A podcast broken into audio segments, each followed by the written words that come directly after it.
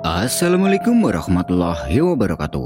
Jumpa lagi di Good Night YouTube channel. Apa kabar nih teman-teman? Semoga kalian yang menonton video ini selalu diberi kesehatan dan dilancarkan rezekinya. Pada kesempatan kali ini kita kedatangan kisah mistis dari seorang pendaki Gunung Arjuno Sebut saja dia adalah Tejo.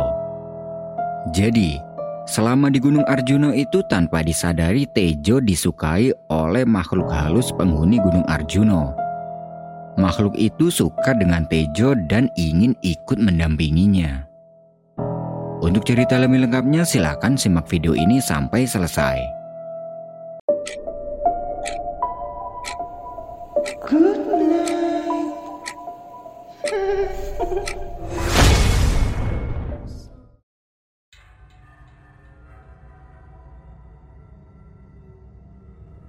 Tejo berasal dari keluarga yang bisa dibilang cukup sederhana. Kedua orang tuanya adalah seorang petani, sedangkan Tejo sendiri adalah seorang kuli bangunan dan juga ikut membantu kedua orang tuanya di sawah. Pada suatu hari, tepatnya setelah Tejo selesai dengan aktivitasnya sebagai kuli bangunan, dia mendapat telepon dari temannya yang bernama Nurul dan mengajak Tejo pergi mendaki ke Gunung Arjuno untuk mengantarkan beberapa orang katanya. Bertepatan karena proyek bangunan yang dikerjakan Tejo ini sudah selesai, dia menerima ajakan Nurul. Ya hitung-hitung untuk refreshing. Setelah cukup lama ngobrol melalui telepon, beberapa hari kemudian tibalah hari di mana dia akan pergi mendaki ke Gunung Arjuno. Tejo yang sudah siap dengan perbekalan yang akan dibawa pergi ke rumahnya Nurul, yang di sana sudah banyak teman-teman lainnya yang juga akan ikut mendaki. Sesampainya di rumah Nurul, dia menyapa semua orang yang ada di situ untuk berkenalan biar lebih akrab. Setelah semuanya sudah berkumpul, 12 orang kemudian segera mengendarai motornya masing-masing untuk berangkat ke Gunung Arjuno via Lawang. 12 orang itu di antaranya ada 9 cowok dan 3 cewek. Sesampainya di pasar Lawang, Nurul dan Tejo yang waktu itu berboncengan mengajak mereka semua untuk melengkapi logistik yang belum lengkap. Setelah 30 menit mereka melengkapi logistik, perjalanan kembali dilanjutkan menuju ke pos pendaftaran atau basecamp Gunung Arjuna via Lawang. Sesampai di basecamp kurang lebih pukul 3 sore, Sesampai di situ mereka mengurus izin pendakian dan dilanjut dengan packing peralatan. Setelah kurang lebih satu jam mengurus izin dan packing, mereka bersiap-siap akan memulai pendakian dan tidak lupa diawali dengan berdoa bersama. Perjalanan dimulai pada pukul 4 sore. Di awal-awal perjalanan, mereka sangat heaven karena melihat pemandangan kebun teh yang sangat luas dan juga keren hingga membuat mereka berhenti sebentar untuk berfoto-foto. Di dalam pendakian itu ada satu orang yang dikagumi Tejo. Dia adalah Intan. Seorang gadis berkerudung putih yang menurut Tejo, Intan itu orangnya beda dengan yang lain. Atau bisa dikatakan, Tejo ini tertarik dengan yang namanya Intan. Setelah cukup lama berfoto-foto di kebun teh, mereka melanjutkan perjalanan menuju ke pos 2. Dan singkat cerita, setelah melewati hutan sampailah mereka di pos 2 tepat masuk waktu maghrib. Di pos 2 itu terdapat sebuah shelter yang biasa digunakan pendaki untuk bermalam atau hanya sekedar istirahat. Di pos 2 itu, mereka break untuk menunggu waktu maghrib sekalian istirahat. Sesekali, Tejo memperhatikan Intan yang waktu itu terlihat sudah sangat kelelahan. Awalnya, Nurul berniat mengajak mereka semua untuk camp di pos 3. Ya hitung-hitung agar besok tidak jauh-jauh kalau lanjut jalan lagi. Tapi, niatnya itu batal karena Tejo menyarankan pada Nurul agar campnya di pos 2 saja. Di situ mereka mendirikan tenda di dekat shelter pos 2 untuk bermalam. Setelah tenda sudah berdiri, mereka masak-masak untuk mengisi perut yang sejak berangkat tadi belum sempat terisi. Setelah selesai dengan semua itu, mereka langsung masuk ke dalam tenda untuk segera tidur agar besok kembali fit. Singkat cerita, keesokan harinya mereka semua bangun. Setelah itu mereka membuat sarapan. Mengingat pagi itu persediaan air mereka menipis, Nurul dan Tejo pergi mengambil air di sumber. Di jalur pendakian Gunung Arjuna via Lawang ini sumber mata air hanya ada di pos 2. Itu pun letaknya sedikit jauh menuruni tebing. Dan sumber dari air itu tidak bisa digunakan untuk minum karena airnya tidak begitu jernih. Jadi air dari sumber itu hanya bisa digunakan untuk memasak. Untuk minum, kita harus membawa sendiri dari bawah. Nah, ketika Nurul dan Tejo sampai di sumber mata air itu, tiba-tiba mereka mencium aroma wangi dupa. Rul, cium bau dupa nggak? Ucap Tejo. Iya, biarin aja. Ayo cepetan isi airnya. Jawab Nurul. Seketika itu bulu kuduk Tejo berdiri karena dia merasakan ada yang tidak beres di tempat ini. Entah itu apa. Mereka cepat-cepat mengisi air, dan ketika sedang sibuk mengisi air ke dalam jerigen, tiba-tiba Tejo melihat ada yang melempar batu dari belakangnya ke arah sumber air itu. Spontan Tejo kaget. Dia langsung melihat ke arah belakang, tapi tidak ada apa-apa yang dilihatnya. Dia bilang pada Nurul, Rul, dengar ada yang lempar sesuatu nggak di belakang? Dengar, tapi biarin aja. Cepetan isi airnya sampai penuh. Jawab Nurul dengan gugup. Setelah sudah terisi penuh, mereka berdua kembali ke atas dan meninggalkan aroma dupa yang terdapat di sumber itu. Di perjalanan naik kembali ke pos 2, mereka sempat berhenti sebentar untuk mengambil foto karena waktu itu view-nya luar biasa keren. Setelah cukup dengan itu, mereka kembali lagi ke pos 2. Singkat cerita, perjalanan kembali dilanjutkan kurang lebih jam 9 pagi. Dalam perjalanan ini, Nurul berjalan di paling depan dan Tejo di paling belakang untuk memastikan tidak ada anggota lain yang tertinggal. Kurang lebih 30 menit berjalan sampailah mereka di area sabana yang sangat luas dan sangat hijau. Dalam perjalanan itu sering kali mata Tejo tertuju ke arah Intan yang waktu itu berjalan di barisan nomor 5. Jadi bisa dibilang Intan ini adalah wanita yang dikagumi Tejo dalam pendakian itu. Nah, Kira-kira di tengah-tengah sabana yang sangat luas itu, jalan mereka berjarak antara 10 sampai 15 meter. Tejo yang waktu itu berjalan di belakang kaget karena dia melihat ada satu pendaki wanita yang asing menurutnya. Wanita itu tidak memakai ransel, berbaju hitam, rambutnya panjang sepinggang, dan wanita itu sedang berjalan membuntuti Intan. Pandangan Tejo yang awalnya tertuju pada Intan sekarang tertuju ke arah wanita asing itu. Perasaan tadi cuma ada tiga cewek, tapi kok sekarang ada empat ya? Batin Tejo. Tejo mengabaikan semua itu karena mungkin dia ini salah lihat atau karena waktu itu dia sedang kelelahan. Ditambah lagi, jarak Tejo dengan wanita itu cukup jauh. Kurang lebih jam 1 siang sampailah mereka di pos 3. Di pos 3 ini tidak ada bangunan shelter. Hanya saja di pos 3 itu ditandai dengan tanah landai dengan beberapa batu besar. Di pos 3 itu, mereka istirahat lagi untuk mengatur nafas. Dan di situ, Tejo mencari wanita berbaju hitam yang tadi sempat dilihatnya. Setelah dicari-cari, dia tidak melihat ada wanita berbaju hitam di grupnya. Di sini Tejo heran. Padahal tadi dia melihat di rombongan ini ada empat orang wanita. Tapi sesampai di pos tiga ini kok hanya ada tiga. Tejo berpikir, berarti tadi aku emang salah lihat. Setelah kurang lebih 20 menit istirahat, perjalanan kembali dilanjutkan menuju ke pos berikutnya. Di perjalanan menuju ke pos berikutnya ini, mereka memasuki hutan dan masih dalam posisi yang sama. Selama perjalanan dari pos 3 menuju ke pos 4 itu, Tejo sudah tidak lagi melihat wanita berbaju hitam yang tadi berjalan di belakangnya Intan. Singkat cerita, sebelum masuk waktu maghrib mereka sampai di pos 4 yang di situ sudah terdapat satu rombongan pendaki lain yang sedang ngecamp. Setelah pos 4 ini jalur akan melewati hutan lali jiwo atau hutan lupa diri.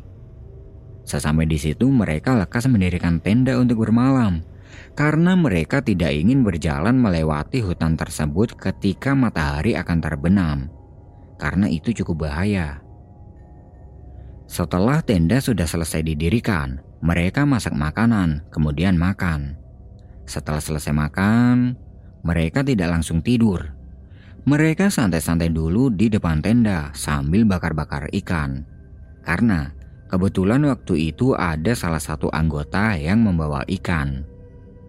Mereka bergabung dengan satu rombongan yang terlebih dahulu sudah camp di situ. Dan ternyata rombongan itu habis dari puncak, tapi mereka memutuskan untuk bermalam lagi di pos 4. Setelah lama berbincang-bincang, tidak terasa waktu sudah menunjukkan jam 10 malam. Karena udara semakin dingin, mereka semua memutuskan untuk masuk ke dalam tenda dan tidur. Malam itu, mereka mendirikan tiga tenda dengan posisi berhadapan. Tenda satu diisi oleh Nurul dan tiga orang lainnya. Tenda dua diisi oleh Tejo dan tiga orang lainnya. Sedangkan tenda tiga diisi oleh Intan dan dua orang cewek. Ketika sedang tidur nyenyak, entah jam berapa, Tejo terbangun karena dia merasa terusik oleh suara yang bersumber dari luar tenda. Suara itu seperti suara orang yang sedang beraktivitas di luar tenda.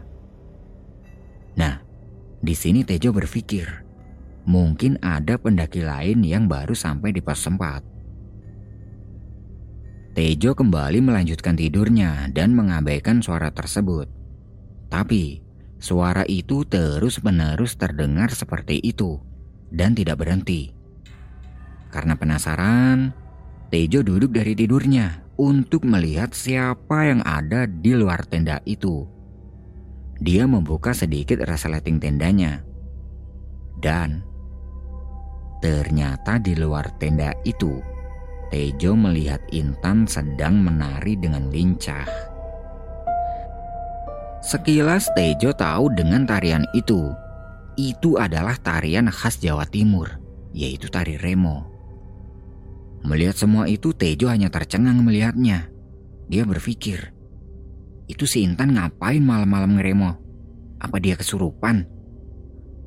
Kira-kira tiga menit lamanya Tejo melihat Intan yang terus-menerus menari seperti itu. Setelah tiga menit berlalu, terlihat Intan terduduk. Lama dia terduduk, dan Tejo terus memperhatikannya melalui tenda yang terbuka sedikit. Setelah lama diperhatikan, Intan tidak juga bergerak dan masih dalam posisi duduknya.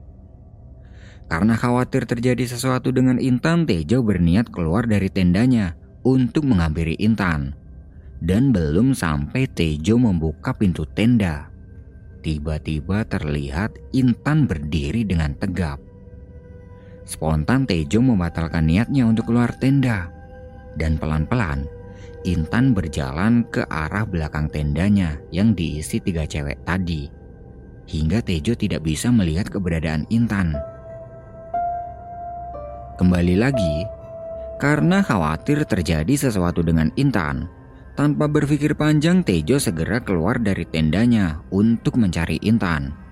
Tapi, ketika sudah berada di luar tenda dia tidak melihat keberadaan Intan. Tidak lama kemudian, dari arah bawah terdengar ada suara. Srek, srek dan terlihat ada beberapa cahaya senter. Setelah dilihat, itu adalah pendaki lain yang baru saja sampai di pos 4. Tejo menyapa rombongan itu. Baru nyampe, Mas. Iya, Mas. Mau camp di sini apa lanjut jalan? Kayaknya camp di sini aja, soalnya udah capek banget.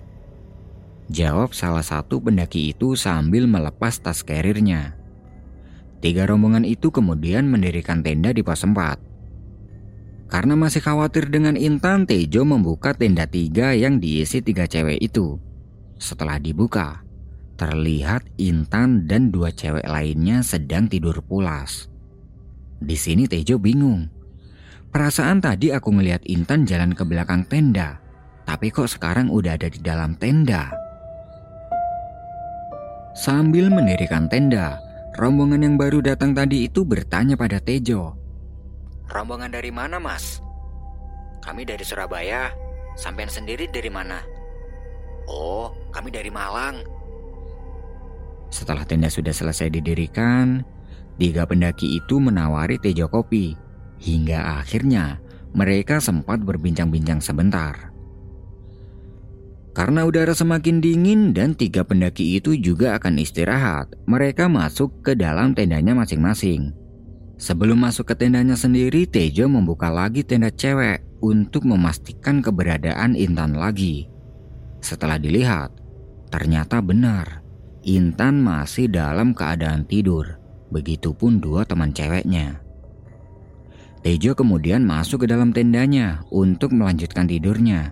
Sebelum tidur, dia memikirkan kejadian barusan. Kok bisa ya tiba-tiba Intan udah ada di dalam tenda? Padahal tadi terlihat jelas dia pergi ke belakang tenda dan aku nggak ngelihat dia masuk tenda. Akhirnya Tejo mengabaikan semua itu. Yang penting sekarang tidak terjadi apa-apa dengan Intan. Keesokan harinya Tejo bangun. Setelah bangun, ternyata makanan sudah siap. Jadi bisa dibilang pagi itu Tejo telat bangun.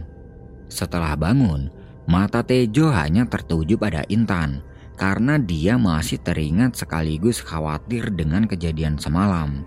Tapi pagi itu Intan tampak baik-baik saja dan sehat-sehat saja. Setelah selesai makan, mereka semua siap-siap karena pagi itu mereka akan melanjutkan perjalanan samit ke puncak. Ketika sedang siap-siap itu, Tejo memberanikan diri untuk bertanya pada Intan. Intan, gimana keadaannya? Sehat kan? Alhamdulillah sehat mas. Jawab Intan dengan keadaannya yang sangat fit.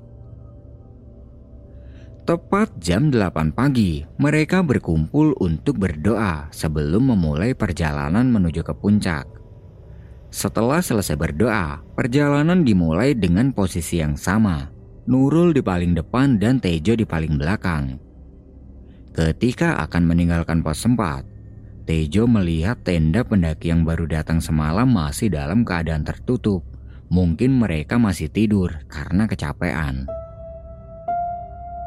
Sebenarnya, pagi itu Tejo ingin bilang pada Nurul tentang kejadian yang semalam dilihatnya tapi tidak sempat. Karena waktu itu posisi berjalannya Tejo dan Nurul ini cukup jauh. Akhirnya Tejo menyimpan itu dulu untuk menunggu waktu yang pas untuk dia bilang pada Irul. Kira-kira 30 menit berjalan sampailah mereka di hutan Lali Jiwo. Ini adalah hutan yang fenomenal di Gunung Arjuno, yang mitosnya Barang siapa yang mempunyai niatan jelek bisa-bisa disesatkan di hutan ini sesuai dengan namanya, yaitu hutan atau alas lali jiwo yang berarti hutan lupa diri. Tapi syukurlah, ketika melewati hutan ini mereka tidak ada kendala apa pun hingga sampai di area pelawangan. Pelawangan adalah sebuah area yang mempunyai vegetasi terbuka yang letaknya tepat berada di atas hutan lali jiwo. Saat itu kondisi di pelawangan cukup berkabut Sesampai di pelawangan, Tejo yang berada di paling belakang sering kali berhenti karena dia sangat kelelahan. Ditambah lagi, persediaan air yang dibawa Tejo ini sudah sangat menipis. Tejo berteriak memanggil satu orang yang berjalan di depannya yang jaraknya sekitar 10 meter di depannya untuk menanyakan air minum. Tapi dia juga sama. Persediaan airnya juga tinggal sedikit. Melihat itu Tejo tidak tega memintanya. Pelan-pelan Tejo berjalan menyusuri area ini hingga dia tertinggal cukup jauh dari teman-temannya. Karena merasa haus, Tejo berinisiatif untuk mengumpulkan air bekas embun yang menempel di dedaunan ke dalam tutup botol. Sedikit demi sedikit, air itu dikumpulkan, kemudian diminum dan itu dilakukan Tejo sambil berjalan pelan-pelan. Nah, kira-kira di pertengahan area pelawangan itu, dari belakang terlihat ada satu pendaki yang sedang berjalan naik. Di sini Tejo sedikit lega. Semoga saja pendaki itu membawa air lebih dan dia bisa meminta sedikit. Tejo menunggu pendaki itu sambil duduk di pinggir jalur. Ketika sudah dekat, Ternyata satu pendaki itu adalah Intan. Melihat itu Tejo kaget. Karena setahu Tejo, Intan ini sudah jalan duluan di atas. Dan seingat Tejo, tidak ada anggota lain di belakang selain dia. Tapi ini kok tiba-tiba Intan ada di belakang? Tejo bertanya pada Intan. Loh, Intan, kok ada di belakang? Bukannya udah duluan di depan? Iya mas, tadi sempat istirahat karena capek. Jawab Intan. Kemudian, Intan memberi Tejo air minum yang dibawanya. Haus ya mas, ini aku ada air, minum aja. Di sini ada yang aneh. Air yang diberikan Intan pada Tejo itu, wadahnya bukan dari botol, tapi dari bambu. Karena waktu itu Tejo ini sudah sangat kehausan. Tanpa berpikir panjang, dia langsung menerima air yang diberikan Intan, kemudian meminumnya. Setelah meminum itu, Tejo mengucapkan terima kasih pada Intan. Lalu Intan bilang, "Ya udah lanjut jalan lagi, Mas. Udah ketinggalan jauh sama teman-teman." Kemudian mereka berdua lanjut jalan di tengah kabut yang cukup tebal ini. Dan Tejo dia meminta Intan agar berjalan di depannya. Ketika sedang berjalan itu, Intan yang berjalan di depan Tejo ini jalannya sangat cepat. Sampai-sampai Tejo tertinggal cukup jauh dari Intan. Sebenarnya, Tejo ingin teriak pada Intan untuk menunggunya. Tapi karena gengsi Tejo membiarkannya. Karena saking cepatnya Intan berjalan, Tejo tertinggal sangat jauh hingga Intan tidak lagi terlihat. Dalam hati Tejo bilang, Gila ini si Intan, cepet banget jalannya, kayak gak ada rasa capek sama sekali. Singkat cerita, sampailah Tejo di puncak Gunung Arjuno yang masih dalam kondisi berkabut. Sesampai di puncak itu dia bertemu dengan rombongannya yang sudah sampai terlebih dahulu dan sedang membuat kopi. Tejo juga melihat Intan sudah berada di puncak. Sesampai Tejo di puncak, Nurul bilang, Gila, lama banget bro, ngapain aja di jalan? Iya, aku kehabisan air tadi. Jawab Tejo yang sangat kelelahan. Tejo pun bergabung dengan mereka untuk minum kopi. Setelah puas minum kopi, mereka foto-foto di puncak. Meskipun waktu itu keadaan puncak sangat berkabut. Setelah cukup dengan semua itu, sekitar jam 12 siang mereka kembali turun meninggalkan puncak. Di perjalanan turun, Tejo masih di posisi paling belakang. Nah, sesampainya mereka di hutan Lali Jiwo, Intan yang tadinya jalan jauh di depan tiba-tiba berhenti untuk menunggu Tejo. Di situ Tejo dan Intan berjalan di paling belakang. Ketika mereka berdua berjalan di belakang, Tiba-tiba Intan bilang ke Tejo, Mas, ada yang suka sama kamu loh. Mendengar itu Tejo kaget, lalu dia menjawab, Oh ya, siapa? Ada, tapi tidak sama seperti kita. Maksudnya, ada makhluk lain yang suka sama Mas Tejo dan dia ingin ikut dengan Mas Tejo. Tapi tenang aja mas, dia baik kok. Sekarang dia ada di sekitar Mas Tejo. Awalnya Tejo menganggap perkataan Intan itu hanya sebuah percandaan. Tapi setelah ngobrol panjang, Ternyata yang diucapkan Intan itu serius, bahwa ada bangsa jin yang menyukai Tejo dan ingin ikut bersama Tejo sebagai pendamping. Menurut Intan, makhluk itu sudah bersama Tejo sejak kemarin setelah meninggalkan pos 2. Tejo pun bertanya pada Intan tentang kejadian malam yang dia lihat di luar tenda. Kenapa malam itu Intan menari? Dan menurut Intan, yang menari itu bukanlah Intan, tapi itu adalah makhluk lain yang ingin ikut dengan Tejo dan sengaja menjelma menjadi Intan. Pertanyaannya, kenapa Intan bisa tahu tentang hal itu? Ternyata Intan ini mempunyai kelebihan dia bisa melihat dan merasakan makhluk lain yang tak kasat mata dan bisa berkomunikasi batin dengan mereka. Mendengar semua penjelasan dari Intan itu, Tejo berpikir, berarti yang ngasih minum aku tadi pagi itu bukan Intan dong. Pantas saja wadah minumannya itu terlihat aneh. Tejo yang tidak ingin berurusan dengan hal seperti itu bertanya pada Intan, bagaimana caranya agar makhluk itu tidak ikut dengannya. Lalu, Intan meminta pada Tejo agar tenang. Kalau memang Tejo tidak mau, Intan bisa membantunya.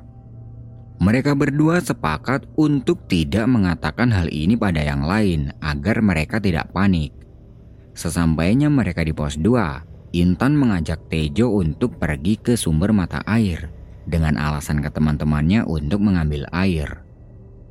Mereka berdua kemudian turun ke sumber itu. Sesampainya di situ, Intan memberi Tejo sebuah batu dan memintanya untuk melemparkan batu itu ke dalam air.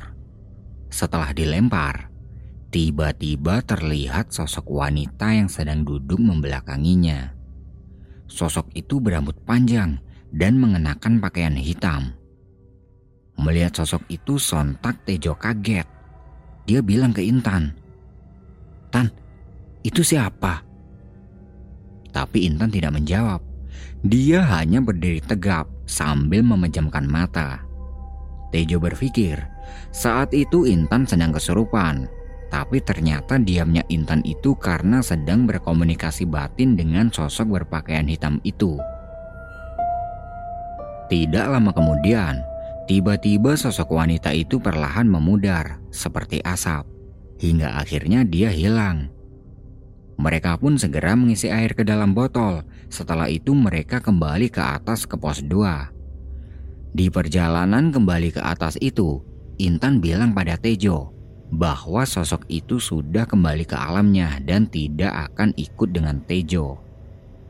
Intan juga bilang awal mulanya sosok itu suka dengan Tejo yaitu di tempat ini, di sumber. Mungkin ketika mereka ambil air bersama Nurul kemarin.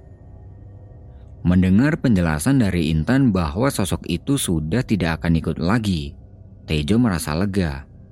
Sesampainya mereka kembali di pos 2, perjalanan turun kembali dilanjutkan hingga sampai kembali di base camp sekitar jam 4 sore. Sesampainya di base camp mereka bersih-bersih badan dan setelah maghrib mereka kembali pulang dengan selamat. Nah, itu tadi adalah pengalaman mistis yang dialami oleh Tejo ketika melakukan pendakian ke Gunung Arjuna via Lawang. Terima kasih buat teman-teman yang sudah nonton video ini sampai selesai. Aku pamit undur diri dulu ya. Good night and see you next time.